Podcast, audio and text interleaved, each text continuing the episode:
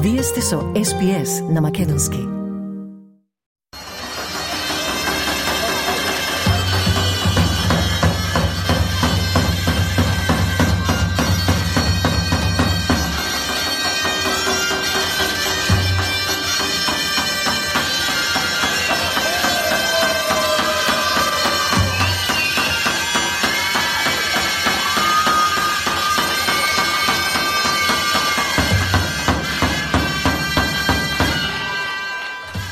Македонија е земја препознатлива по својата богата историја, природни убавини, но и по македонскиот фолклор, кој се пренесува од генерација на генерација.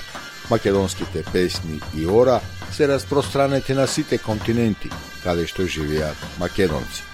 Традицијата на негување и чување на македонското културно наследство во рамките на македонската заедница и успешно представување пред австралиското општество продолжува со одржувањето на традиционалниот Илинденски фестивал во организација на Федерацијата на македонските културно-уметнички друштва на Викторија во Мелбурн. Годинашниот 37 поред Илинденски фестивал се одржа во пресрет на големиот христијански празник Успение на Пресвета Богородица, а се совпаѓа и со 120 годишнината од Илинденското востание. Фестивалот со настап на сите културно-уметнички друштва од Мелбурн, представени со групи од најмалите па до највозрасните членови, се одржа во Обштинската сала на Обштината Витолси во Мелбурн.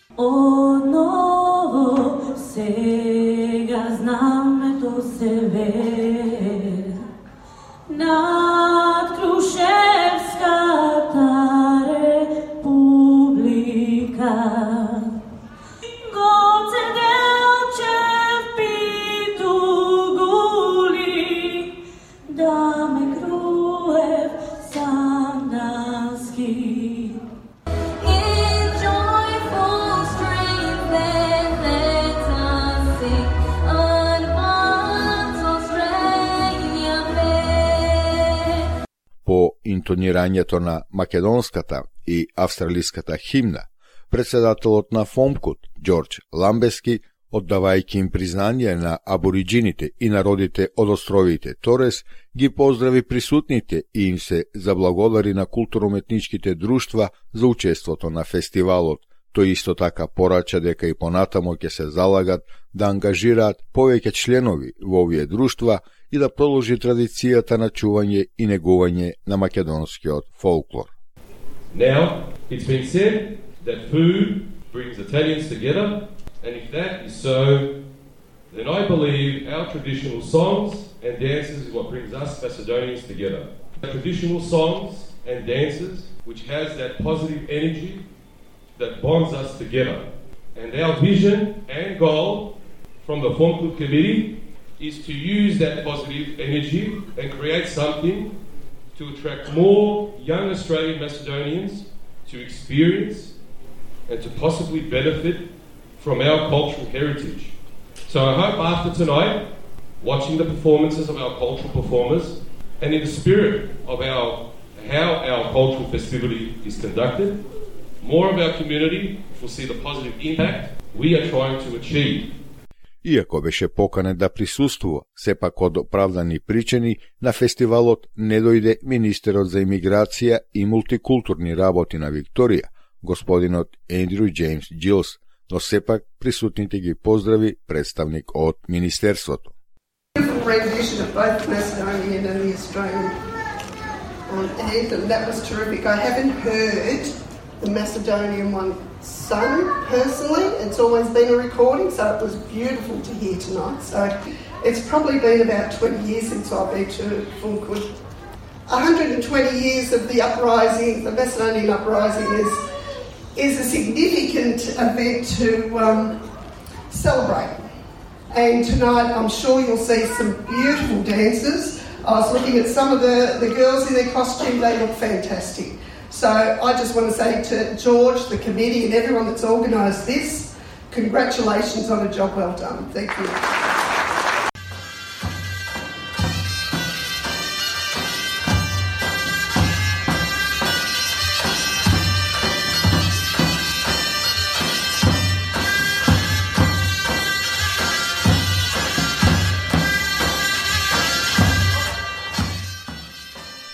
Потоа на сцената стапија најмладите играорки и играорци од Светлост, Амде Тоше, Александар Трети Македонски, Јане Сандански, Гоце Делчев, Никола Карев и Илинде. Со своите настапи не ги оставија равнодушни посетителите и потврдија дека полекано сигурно се идните чувари на македонскиот фолклор во Австралија. Настапите пак на возрастните групи беше празник за очите за љубителите на фолклорот.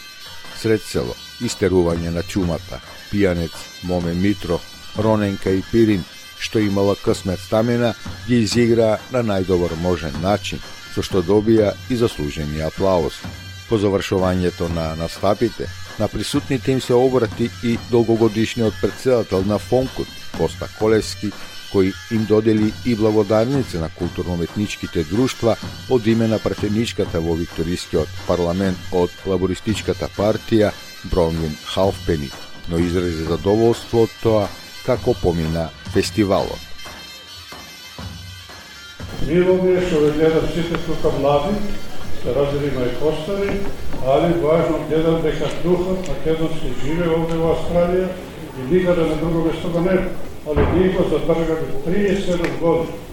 Од ланската година јас сам предадов мојата служба на овие млади, на Говце, Томе Шука, Омео, сите овие млади, така да јас сум со председател долго време и затоа момчетите на овие деца, младите играоци, многу сум задоволен. Јас играте и до два дена јас ќе ве гледам.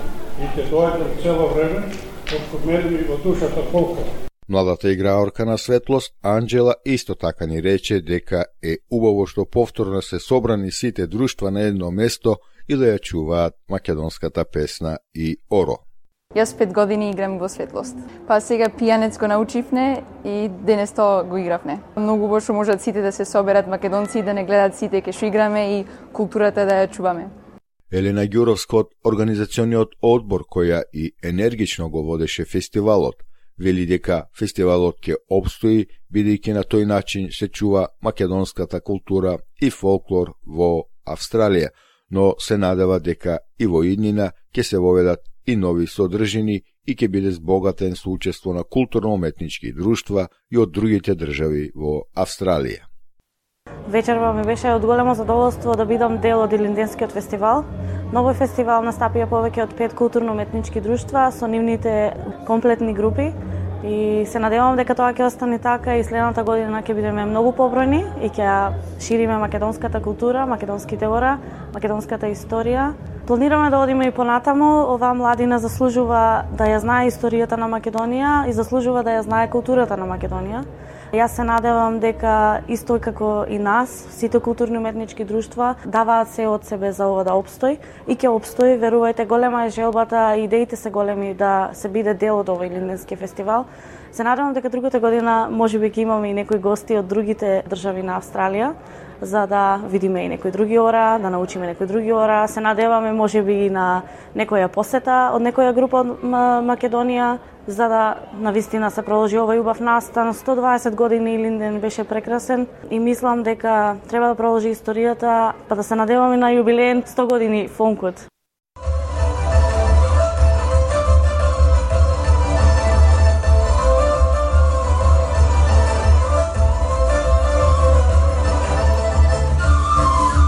Младите чувари на македонскиот фолклор во Австралија уште еднаш успешно се представија со орота подготвени од кореографите, но и потврдија дека се вистински промотори на македонските културно-уметнички традиции, не само меѓу македонската заедница, туку и пред австралиското општество.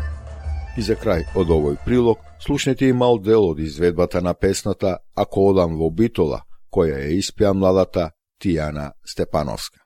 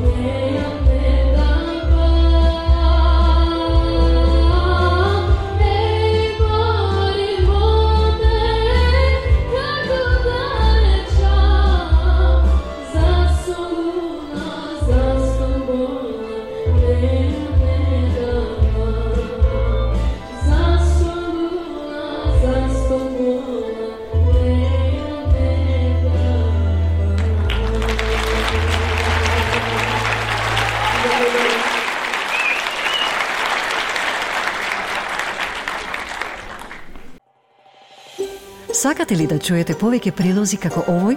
Слушате подкаст преку Apple Podcasts, Google Podcasts, Spotify или од каде и да ги добивате вашите подкасти.